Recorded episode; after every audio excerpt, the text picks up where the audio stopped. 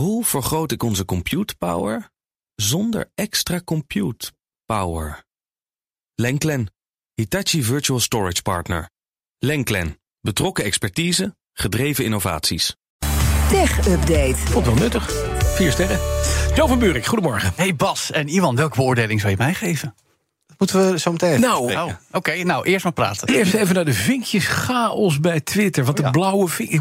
Wat is er aan de hand daar? Nou ja, weet je nog dat begin april mensen hun oude blauwe vinkjes zouden kwijtraken? Ja, ja, ja, ja. Omdat er een betaald abonnement Twitter Blue bestaat waarmee je een vinkje kan kopen.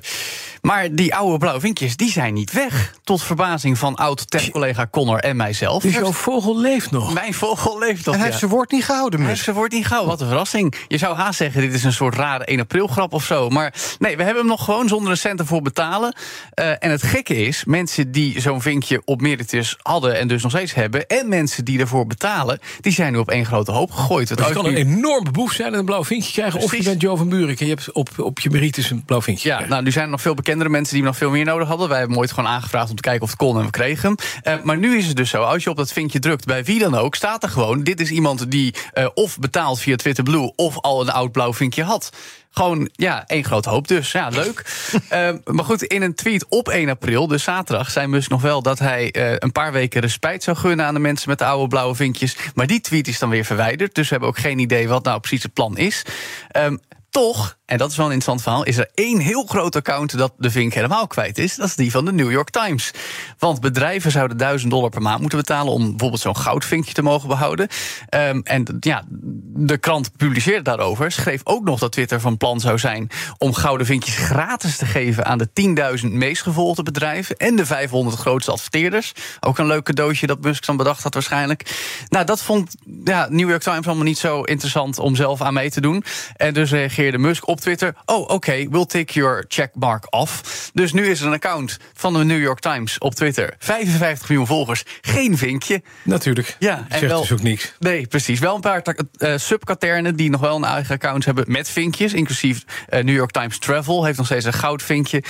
Eh, maar goed, het, het gaat allemaal weer lekker. Het is vinketering. Ondertussen heeft, Teringzooi. vinketering, heeft Twitter wel zo waar woord gehouden... met het openbaren van een deel van de broncode. Ja, dat is dan wel weer opvallend, want het is nog maar een week geleden dat we spraken over een lek Ja. van de broncode op GitHub. Nou ja, dat was dan nog in eh, een paar maanden daarvoor. Maar nu heeft Twitter uit eigen beweging op dat platform GitHub dus eh, delen van de broncode inzichtelijk gemaakt. Het gaat dan onder meer bijvoorbeeld om het aanbeveling, eh, aanbevelingsalgoritme als je op Twitter de For You-pagina gebruikt. Dus die algoritmische waar mijn compaan Ben zo'n fan van is. Ik vind het vreselijk. Ehm, eh, nou ja, door de beste tweets uit verschillende aanbevelingsbronnen te halen, zegt Twitter, werkt dat. En dat wordt dan gerangschikt met het machine learning model. Nou, daar, kun je nu dus een beetje naar kijken en, en zelf ook iets mee proberen te maken. Wat staat er dan bijvoorbeeld niet? Dat is wel interessant om te weten. Eh, privacy en veiligheid van gebruikers beschermen. Daar weten we niks over. Kindermisbruik en manipulatie tegengaan is iets wat heel veel platforms moeten doen. Weten we ook niet hoe Twitter dat doet. En ook de code achter het aanbevelingsalgoritme voor advertenties. Daar weten we dan ook weer niks van. Ja, natuurlijk niet waar het geld zit. Dat wil Twitter niet prijsgeven. Je kan je natuurlijk al afvragen, Bas. Waarom doet Elon Musk dit? Ja.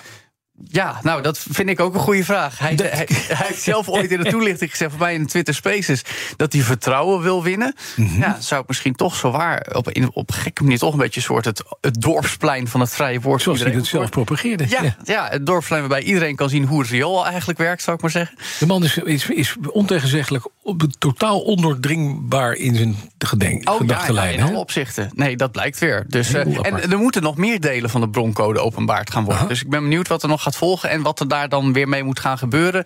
Of dat hij toch weer onvoorzien eh, heeft dat bepaalde mensen ook misbruik kunnen maken van Ja. deze poging tot vertrouwen winnen. Nou, dan nog eventjes terug naar voor het weekend. Want toen hoorden we de, van de Italianen. Die gaan officieel JetGPT overal verbieden. Mag niet gebruikt worden. Maar nu komt de Italiaanse vicepremier met kritiek op dat verbod. Ja, en dat is toch wel interessant. Want het was al vreemd nieuws toen het buiten kwam dat er een verbod is. Vooral ook omdat het in het kader van de privacy is. De privacy waakhond in Italië heeft dat verbod op ChatGPT afgedwongen. Uh, want OpenAI zou niet kunnen verifiëren of gebruikers wel 13 jaar of ouder zijn. Uh, nou, en bij kinderen weten we dat er altijd wel meer databescherming is. Maar volgens uh, vicepremier Matteo Salvini is dit een disproportionele move. Dat heeft hij op Instagram geschreven. Hij zegt dat het hypocriet is dat dit is gebeurd en dat privacyproblemen niet gelijk alles de pas af moeten snijden. het is wel interessant omdat dit natuurlijk een discussie heeft aangewakkerd van, nou, wat, wat moeten we verder met ChatGPT? Andere landen kijken ook mhm. mee. Uh, in Europa wordt ook gezegd, ja, er moet gewoon geluisterd worden naar de Europese privacywetgeving, de GDPR. Als op basis daarvan zo'n dienst moet worden afgesneden, dan gebeurt dat. Uh, ja, het, het, is toch een beetje veenbas. Want het is bij wijze van spreken alsof ik zou zeggen, nou, die Bas Verwerf is niet zo'n goede presentator, maar omdat hij zijn broodje kaas niet goed opruimt, uh, mag nog, niet werken. Ja, dus het is een beetje een gekke manier om een, om, een, om een platform aan te pakken, zal ik maar zeggen. Uh, OpenAI heeft dus ook ChatGPT gewoon op slot gegooid voor Italië. Je kan alleen met een VPN-verbinding, mocht je Italiaans zijn... en heel graag ChatGPT willen gebruiken, nog steeds wel erop. Uh, maar het schept wel een interessant precedent. En uh, of nou ja, die angst voor AI-toepassingen... die eigenlijk in de hele wereld zit nu... via de privacyroute her en der ingekapseld gaat worden. Dat is wel ja, een beetje maf. Ja, Absoluut. Dus. Maar wel mooi. In, in Italië kan alles. Ja, dat, dat, dat blijkt maar weer. Ja, ja dat is wel weer duidelijk. Dankjewel, Jo van Burk. De BNR Tech Update wordt mede mogelijk gemaakt door Lenklen. Lenklen. Betrokken expertise, gedreven resultaat. Hoe vergroot ik onze compute power zonder extra compute power? Lenklen. Hitachi Virtual Storage Partner. Lenklen. Betrokken expertise, gedreven innovaties.